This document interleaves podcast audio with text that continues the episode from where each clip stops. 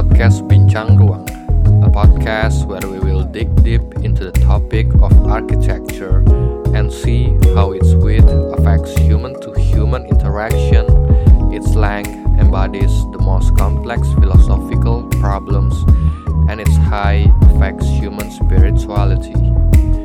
Sit back and listen to how the space around you is built with multidimensional paradigm.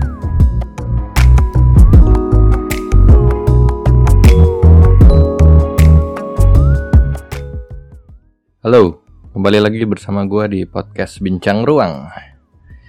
Oke, jadi seminggu ini ya sama aja, masih banyak kerjaan. Ya bersyukur lah ya masih punya kerjaan dan masih bisa bekerja di masa pandemi, di mana banyak orang yang sudah mulai kehilangan pekerjaan ya. Tapi di sini gue malah mengeluh tentang betapa banyaknya pekerjaan. ya dasar lo.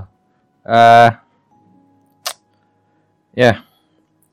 Jadi di episode kali ini gue akan mencoba membahas beberapa hal. Uh, ada banyak hal sih yang pengen gue bahas Hmm, tapi kita coba lihat aja. Selama 40 menit gue bisa membahas berapa topik. Pertama yang mau gue bahas itu adalah hmm, tentang seni. Kita coba nyambung-nyambung lagi ke topik arsitektur, di mana arsitektur itu juga termasuk seni juga, walaupun itu masuknya practical art ya, karena itu gabungan antara seni dan hal teknis. Tapi ya masih masuk lah karena seni. Menurut kalian seni itu esensial nggak buat survival of the human race? Untuk survival dari manusia itu sendiri. Menurut kalian penting nggak adanya seni? Gue beberapa hari yang lalu sempat diskusi sama temen dan ada beberapa pandangan tentang hal ini dan beberapa temen gue merasa bahwa seni itu penting untuk survival manusia.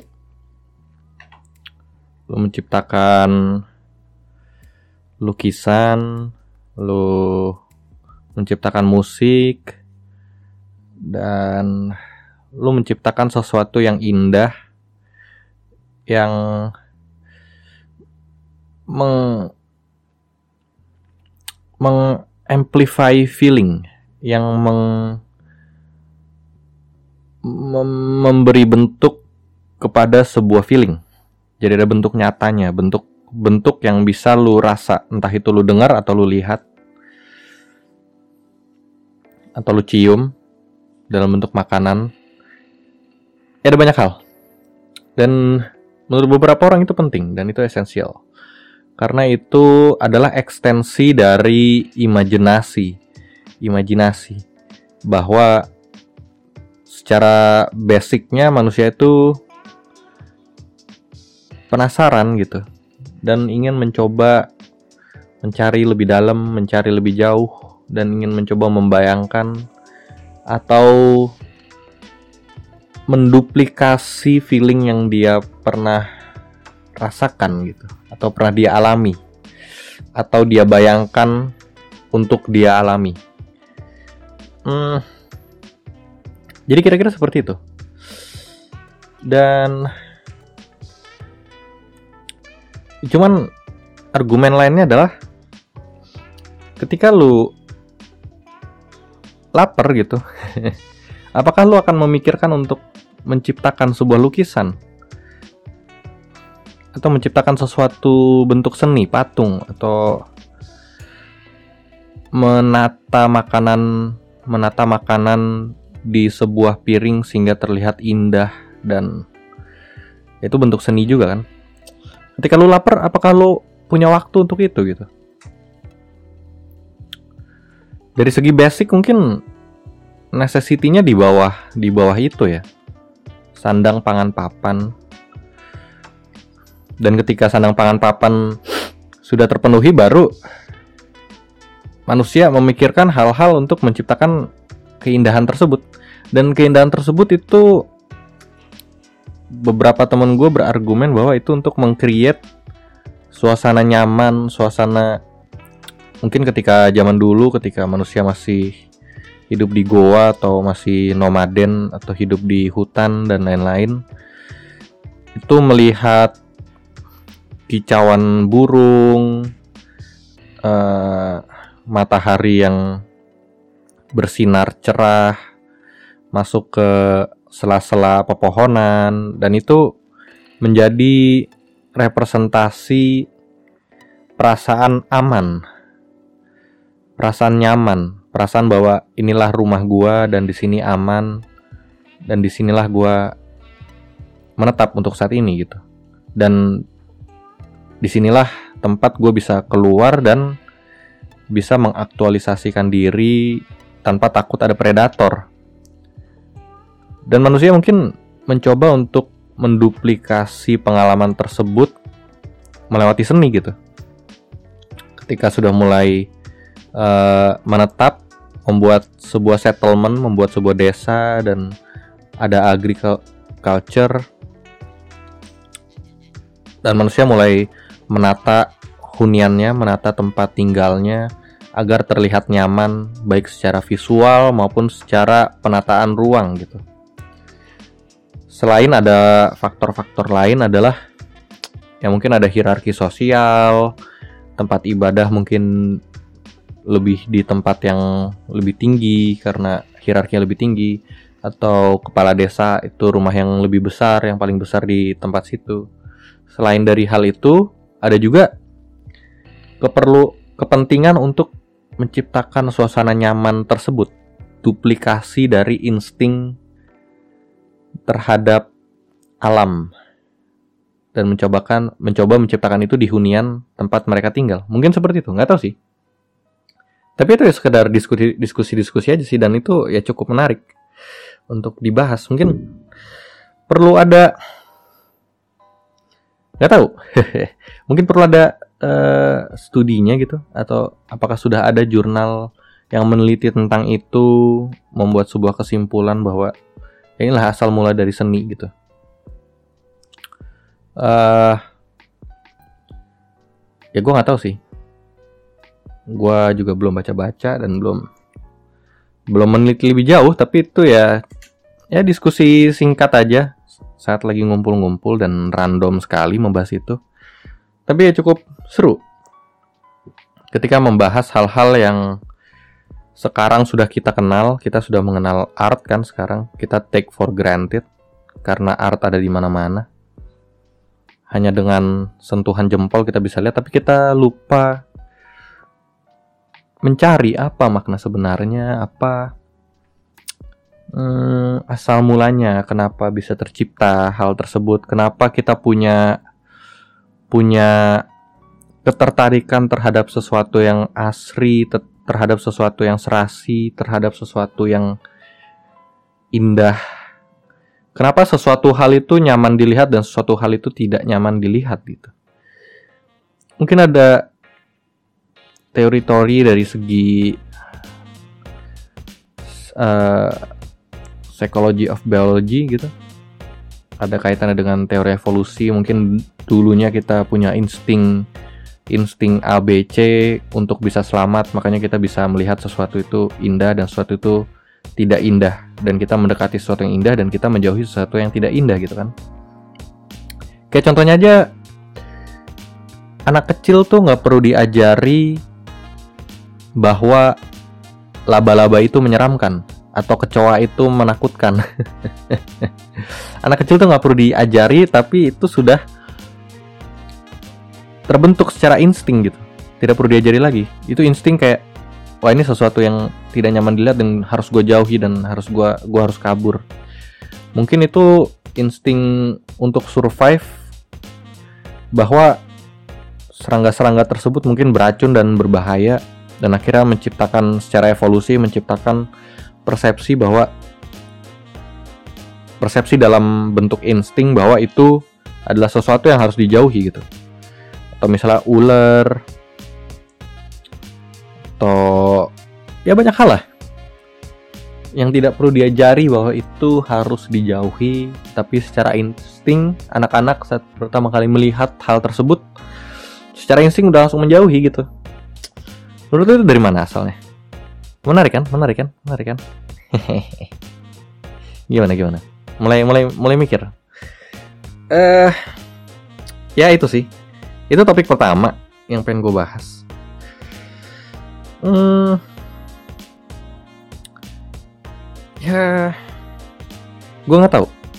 Kalau kalian punya pendapat mungkin kalian bisa coba email ke podcast bincang ruang at podcast bincang ruang at gmail.com atau kalau kalau kalian mendengarkan di YouTube kalian bisa tinggalkan komen karena sampai sekarang belum ada yang komen di channel YouTube gua. Kalau kalian mendengarkan di Spotify ya kalian bisa email ke podcast bincang ruang at gmail.com. Oke? Okay? Kemudian hal kedua yang pengen gue bahas. Uh, ekstensi dari topik tersebut sih tentang kesenian, sesuatu yang indah. Sesuatu yang indah itu mungkin kita perlukan. Tapi apakah itu lebih utama dari fungsi gitu? Apakah itu bisa mengalahkan fungsi dari suatu hal tersebut? Di mana lu tarik batasnya sesuatu itu hanya perlu indah dan tidak perlu ada fungsi, jadi hanya perlu hanya cukup bisa kita nikmati sebagai society tidak perlu ada fungsinya. Tapi di mana di mana di mana suatu hal itu harus tetap punya fungsi walaupun indah. Contoh-contohnya aja kayak misalnya fashion gitu ya fashion punya fungsi untuk ya supaya lu nggak kedinginan atau supaya lu menutup menutup aurat lo, ada fungsi sosial di situ, ada fungsi etika di situ, ada fungsi selain itu juga ada fungsi uh, keindahan di situ. Lo mau menunjukkan bahwa diri lu bagus, diri lu enak dilihat, maka lo memilih baju yang kombinasi warna yang serasi dan dan lain-lain. Dan ada elemen identitas di sana bahwa lu mau menunjukkan diri lu yang sifatnya berani maka lu memakai baju hmm, baju berwarna merah dan bercorak dengan celana leather gitu dari kulit buaya misalnya. Dan lu mau menunjukkan diri lu yang berani dan nyentrik dari situ ada ada identitas yang mau lu tunjukkan. Jadi ada faktor keindahan di situ ada faktor seninya di situ. Tapi juga itu tidak menghilangkan bahwa itu juga berfungsi gitu. Itu ada fungsinya juga untuk memberikan keamanan. Ya kalau lu jatuh atau apa yang kebaret duluan ya baju lu gitu. Nggak langsung ke kulit. Atau panas matahari ya kena baju lu dulu. Nggak langsung kena kulit lu. Ya seperti itulah. Tetap ada fungsinya tapi di lain hal mungkin ada hal-hal yang Apakah bisa suatu hal itu tanpa ada fungsi dan itu hanya hanya seni saja dan itu hanya untuk dinikmati? Apakah ada? Lukisan. Bisa lukisan. Lukisan juga tetap punya fungsi dekoratif. Lu taruh di mana? Lu taruh di dinding lu untuk memperindah suasana ruangan lu atau mem men apa istilahnya? Mem menunjukkan status sosial atau status ekonomi lu. Kalau itu lukisan-lukisan yang mahal lu taruh di ruang tamu lu atau di ruang keluarga supaya ketika ada tamu tamu lu bisa lihat oh ini orang berduit nih. Ini bukan ini seseorang nih orang nih itu kan salah satu fungsinya juga jadi bukan cuma hanya untuk dilihat dan indah saja, tapi juga ada fungsi-fungsi lainnya. Dan itu ya bisa ditarik juga ke arsitektur. Kapan suatu hal itu cukup indah saja dan kapan suatu hal itu harus tetap berfungsi gitu. Dan gue berpendapat sih di arsitektur harusnya harus bisa berjalan serasi ya antara fungsi dan keindahan. Nggak bisa hanya keindahan saja dan nggak bisa hanya fungsi saja. Kalau cuman fungsi aja, itu mematikan identitas, mematikan mematikan nyawa, mematikan roh, mematikan soul.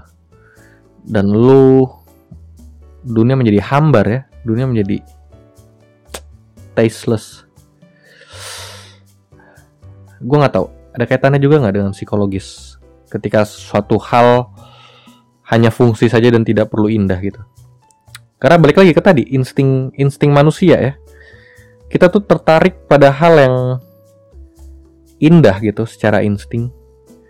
Kepada hal yang serasi dan itu mempengaruhi psikologis kita juga. Kalau sesuatu lu lu bisa bayangin lu tinggal di kota yang mungkin tidak indah dan itu hanya fungsi saja. Tidak perlu ada sesuatu yang yang menunjukkan keindahan gitu ya. Cuman kotak-kotak dan ya fungsi aja rumah ya rumah jendela ya jendela. Tidak perlu jendelanya berbentuk bla bla bla supaya terlihat indah tidak perlu. Atau rumahnya berbentuk ABC supaya indah itu tidak perlu. Jadi rumahnya hanya seperti bunker-bunker bunker-bunker militer yang fungsional sekali. Dan lu tinggal di kota seperti itu gitu. Apakah lu bisa survive gitu mungkin lu lama-lama bisa jadi gila ya. Karena secara psikologis itu akan membuat demoralisasi gitu demoralizing gitu. Membuat lu jadi tidak semangat. Mungkin kalau cuma sekali sih nggak apa-apa dua kali tidak apa-apa sebulan dua bulan tidak apa-apa. Tapi lu bayangin lu 10 tahun tinggal di tempat seperti itu dan ya mungkin mungkin kota yang seperti itu akan penuh dengan orang-orang yang depresi gitu. dan society-nya tidak berjalan dengan dengan lancar gitu karena penuh dengan orang depresi. Karena hanya memikirkan fungsi dan tidak ada yang indah gitu. Ya mungkin mungkin seperti itu ya. Gue nggak tahu juga sih. Tapi lu bisa bayangin kan ini gue mencoba membantu membantu kita semua untuk berimajinasi dan membayangkan what if what if. Bagaimana jika bagaimana jika. Bagaimana jika tidak ada seni gitu. Karena kenyataannya di lapangan itu terutama di Indonesia ya atau negara-negara berkembang lainnya ya. Gue gak tahu di negara berkembang lain tapi di di Indonesia atau di Jakarta lah tempat gue tinggal di Tangerang Depok Jabodetabek lah sekitar-sekitar lah itu orang hmm, sedikit yang menghargai seni gitu seni itu seperti tidak ada nilainya itu dan dan itu sifatnya sangat tersier sekali ya, sangat dikesampingkan gitu tanpa memikirkan bahwa ada fungsi dari seni itu. Ada fungsinya juga. Dan ya begitulah dan makanya di situ bidang-bidang kreatif tuh tidak dihargai gitu. Hei. Uh, ya gue nggak tahu sih tapi apakah bisa sebuah society itu menghargai seni apabila apabila society tersebut tidak sejahtera? Apakah bisa ya? Gue masih penasaran sih, apakah ada cara untuk memutarbalikan hal tersebut, memutarbalikan persepsi tersebut? Apa kita memang terpenjara di situ dan memang jalurnya adalah ya kita memang harus sejahtera dulu baru kita bisa mengapresiasi hal-hal hal-hal kesenian dan bidang-bidang kreatif ya Pak. Apa emang harus seperti itu gitu? Tidak ada jalan lain lagi. Eh, gue nggak tahu sih. Dan itu membuat gue bingung juga. ya gue cuma bisa lakuin apa yang gue bisa lakuin dan ya kebany gue kebanyakan mikir sih. Terlalu banyak mikir gue dan ya gue belum punya resource untuk membuat perubahan. Gue belum punya kuasa belum punya tahta belum punya posisi untuk bisa membuat perubahan. Dan gue hanya bisa mencoba memulai dari diri sendiri dan ya seminimal seminimalnya ya berbicara lah di podcast kayak gini yang tidak ada pendengarnya ini.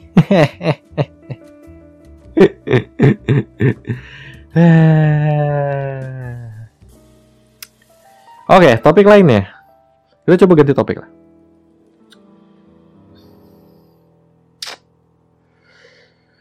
Uh,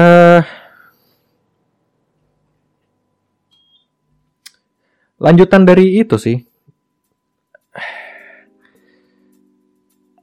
Itulah makanya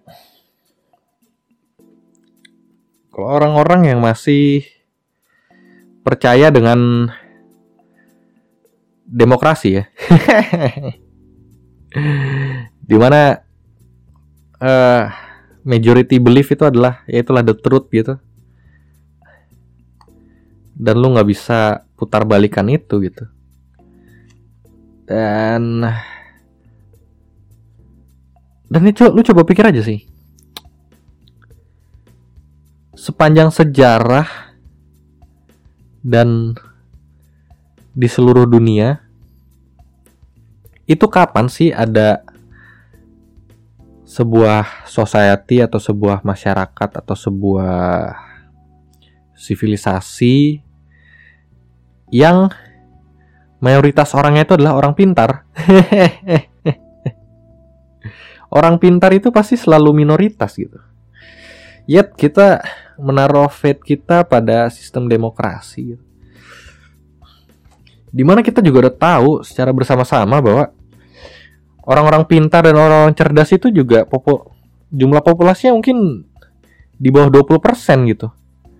Dan kalau mau adu-aduan banyak suara ya pasti orang-orang yang pintar dan orang-orang yang bisa mengerti lebih jauh bisa bisa mengerti konsep, bisa bisa meneliti profesional-profesional.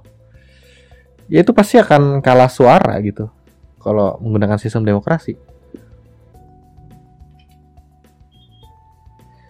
Dan beberapa minggu yang lalu ada sempat post yang lumayan viral dan mungkin gue nggak tahu sih apakah politik, apakah politisasi atau tidak, tapi uh, salah satu pejabat kita setelah mengalami banyak hal dipanggil polisi dan lain-lain dan mereka dan dia si pejabat ini ngepost gambar sedang membaca, membaca buku dan buku yang dia baca adalah How Democracy Dies dan itu membuat gue berpikir-pikir sih. Bagaimana demokrasi mati gitu? Bagaimana demokrasi mati? Apakah demokrasi itu mati ketika ada sosok ada sosok demagog atau sosok orang yang menggunakan sistem demokrasi untuk bisa berada di posisi otoritas dan ketika dia sampai posisi otoritas itu dia mematikan demokrasi tersebut. Apakah harus selalu seperti itu demokrasi mati? Apakah harus selalu ada sosok penguasa yang otoriter makanya demokrasi mati? Menurut gua enggak. Itu adalah buah dari itu adalah outputnya itu adalah output itu adalah layer kedua ada layer satu sebelum kita mencapai layer 2 tersebut dan yang gue yakin adalah layer satu tersebut sebelum kita mencapai titik di mana kita memilih seorang pemimpin yang otoriter, itu layer satunya adalah masyarakatnya dulu, mayoritasnya dulu. Gue nggak tahu ada quotes uh, Socrates atau siapa gitu ya. Uh, uh, siapa ya? Gue lupa. Jadi demokrat dia dia dia pengkritisi demokrasi gitu. Gue lupa siapa. Antara uh, mungkin Socrates kali ya, Socrates kali. Gua gua nggak inget juga sih. Mungkin gua akan coba cari sebentar. Yes, yes, yes, benar-benar. Jadi itu Socrates. Uh, Socrates itu sangat membenci demokrasi karena menurut dia demokrasi itu sama saja seperti lu membiarkan orang-orang banyak. Demokrasi itu sama seperti lu sedang berlayar menggunakan kapal layar tapi lu memberikan wewenang untuk orang-orang mengendalikan kapal tersebut di mana orang-orang tersebut belum tentu punya skill untuk bisa mengerti bagaimana cara mengendalikan kapal layar mengendalikan layar bagaimana, membaca rasi bintang gimana untuk menentukan arah bagaimana. Tidak mengerti, yang mengerti kan pelaut, yang memang profesinya adalah pelaut, yang mengerti bagaimana cara mengkontrol uh, kapal layar. Jadi demok demokrasi itu seperti lu membiarkan orang-orang mengendalikan kapal tersebut. Dan apakah kapal tersebut akan bisa mencapai tujuannya gitu? ketika lu membiarkan orang-orang mengendalikannya semena-mena bahkan orang-orang yang belum tentu punya skill jadi Socrates bilang demokrasi itu bukan sebuah bukan sebuah hak yang yang diberikan dari lahir, hak pilih atau hak voting itu bukan hak yang diberikan dari lahir, seharusnya tidak seperti itu. Hak voting itu seharusnya adalah skill gitu. Jadi kita nggak bisa take for granted hak voting tersebut. Sorry tadi ada bokap gua. Uh, mungkin kita lanjut. Jadi demokrasi itu hanya bisa berlangsung hanya bisa berlangsung sebaik sama baiknya dengan sistem edukasi yang diberlakukan di situ gitu. Jadi kalau sistem edukasinya tidak baik ya demokrasi itu berjalannya tidak baik. Dan kalau sistem edukasinya baik, barulah demokrasi itu bisa berjalan dengan efektif. Karena kenapa sistem edukasi? Karena orang-orang perlu belajar bagaimana cara berpikir kritis, bagaimana cara membreakdown sebuah ide, bagaimana cara memisahkan antara individu dengan ide yang dia usung bagaimana bisa meng, meng kemampuan untuk mempertemukan antara dot yang satu dengan dot yang lain. Eh, lu lu ngerti kan? ya jadi begitu. Makanya harus edukasinya harus baik baru demokrasi itu bisa berjalan lancar supaya orang-orang itu mengerti bagaimana cara berlayar gitu. Bukan berarti akan berbeda pendapat, bukan berarti tidak akan ada yang berbeda pendapat. Berbeda pendapat pasti, tapi paling nggak orang-orang mengerti gimana cara ngontrol pesawatnya dan ngontrol kapalnya dan mana yang perlu dituju gitu. Mana yang baik, mana yang enggak. Mana yang benar, mana yang salah, mana yang buruk mana yang baik seperti itu uh, karena pada akhirnya ketika sistem edukasinya tidak baik dan banyak orang yang tidak terpelajar dan banyak orang yang tidak tidak mengerti dan diberikan hak voting itu justru memberi wewenang atau memberi kuasa bagi orang-orang yang mau menyalahgunakan demokrasi tersebut gitu. Yang mereka berada di posisi-posisi penguasa yang orang kaya dan bukan penguasa juga sih, mungkin mungkin dia di luar di luar penguasa tapi dia juga bisa menggunakan sistem demokrasi itu ketika orang-orangnya tidak terpelajar dan tidak mengerti bagaimana cara mengendalikan kapal layarnya gitu.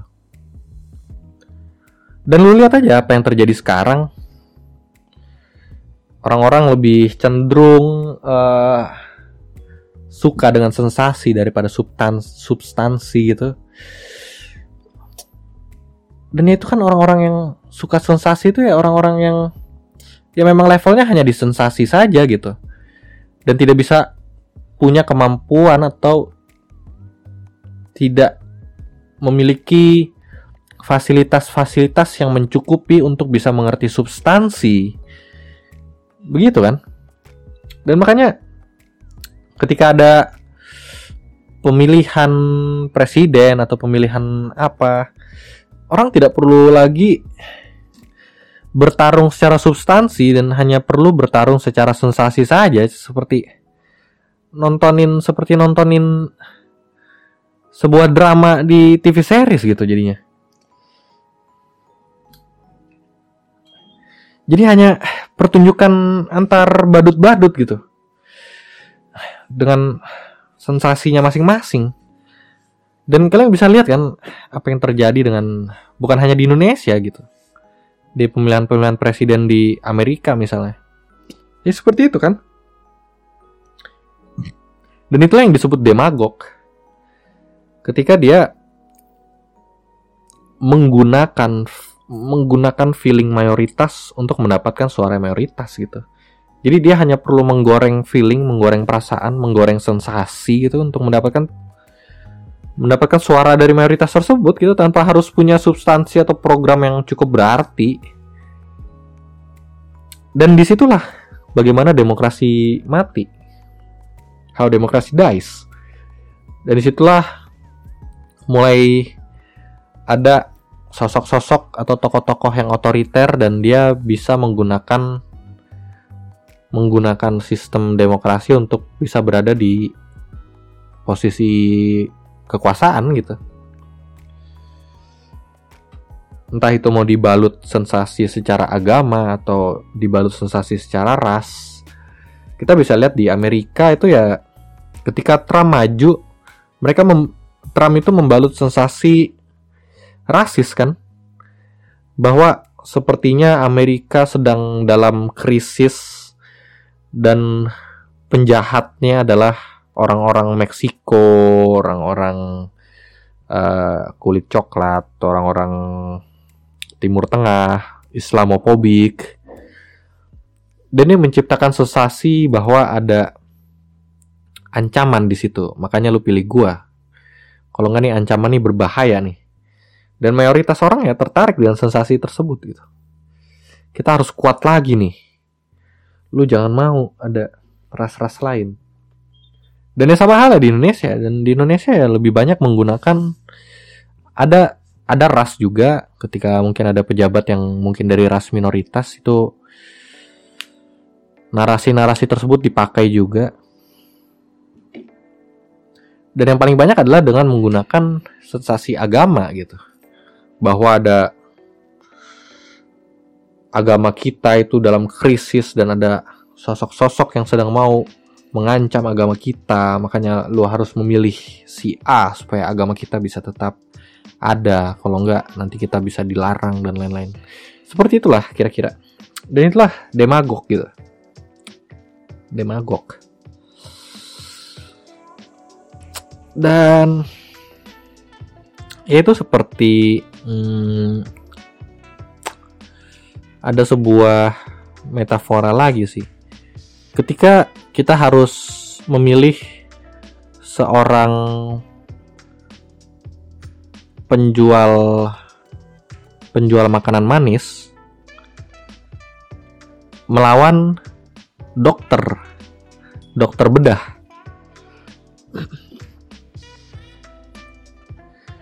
Dan mereka berdebat kan untuk me, untuk memperebutkan posisi kekuasaan untuk memperebutkan posisi misalnya contohnya kepala desa.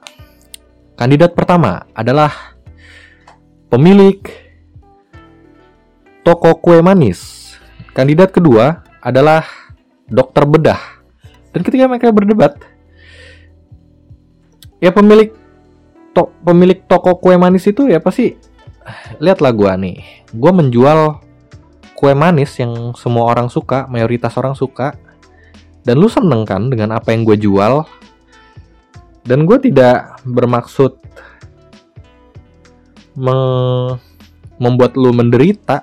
Gue mau membuat lu happy dengan kue-kue manis gue makanya makanya lu pilihlah gue sebagai kepala desa. Gue tuh intensi gue adalah membuat lu happy dan membuat lu bahagia dan membuat lu puas dengan kue-kue manis ini gitu. Dan lu jangan percaya sama si dokter ini si kandidat dua ini karena dia itu membedah lu dan membuat lu sakit, membuat lu kesakitan dan lu harus dibelek misalnya dibedah dan dia melakukan macam-macam ke dalam isi perut lu dan dan itu perasaannya nggak enak men. Lu jangan pilih dia gitu. Dan kira-kira apa yang bisa dilakukan oleh si dokter bedah ini untuk dia bisa membela diri gitu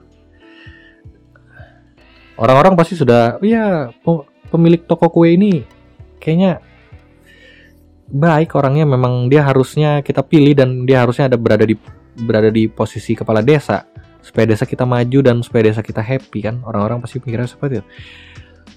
Dan si dokter bedah ini argumen yang bisa dikeluarkan adalah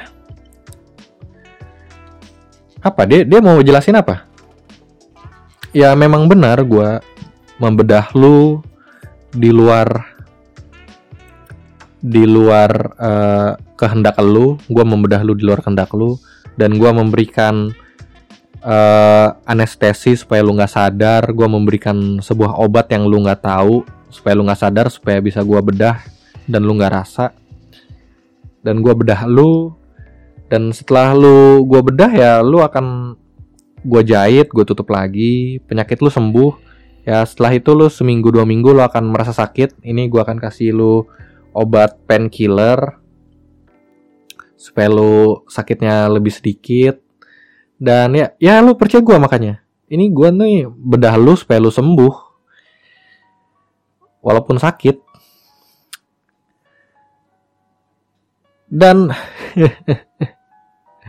dan orang tentu akan lebih condong memilih si pemilik kue manis ini karena sensasi untuk memberikan happiness, sensasi untuk memberikan kesenangannya lebih kuat gitu dibanding si dokter bedah ini. Si dokter bedah ini long termnya memang baik ketika ada tumor ya lu dibedah, diangkat tumornya dan lu akan sehat lagi. Tapi untuk menga untuk melalui proses bedah tersebut kan lu akan menderita selama beberapa bulan gitu. Dan itu akan unpleasant gitu, akan tidak enak dan tidak akan membuat lu happy gitu. Dan makanya orang-orang kebanyakan pasti tidak akan memilih dokter bedah kan untuk menjadi pemimpin. Jadi ini metaforanya seperti itu. Jadi ya begitulah. Ketika ada kandidat yang hanya menjual sensasi manis, janji manis dan lain-lain, tentu akan lebih menjual dibanding orang yang telling the truth bahwa sebenarnya kita sakit dan kita harus dibedah. Dan saat dibedah kita pasti akan sakit dan tapi akan bagus untuk kita gitu. Dan itu pasti akan tidak akan laku gitu. Dalam sebuah sistem demokrasi. Gimana? Sudah mulai sudah mulai gimana? Sudah mulai mulai ini ya mulai tidak punya hope ya losing hope ya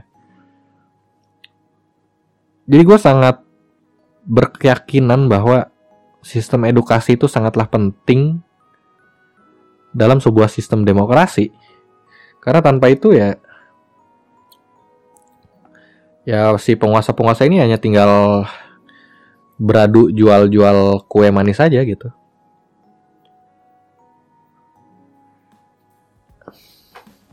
Karena kue manis itu sangat face value, sangat sangat gampang di gampang ditangkap. Ini kue manis, enak, udah, itu aja, simple.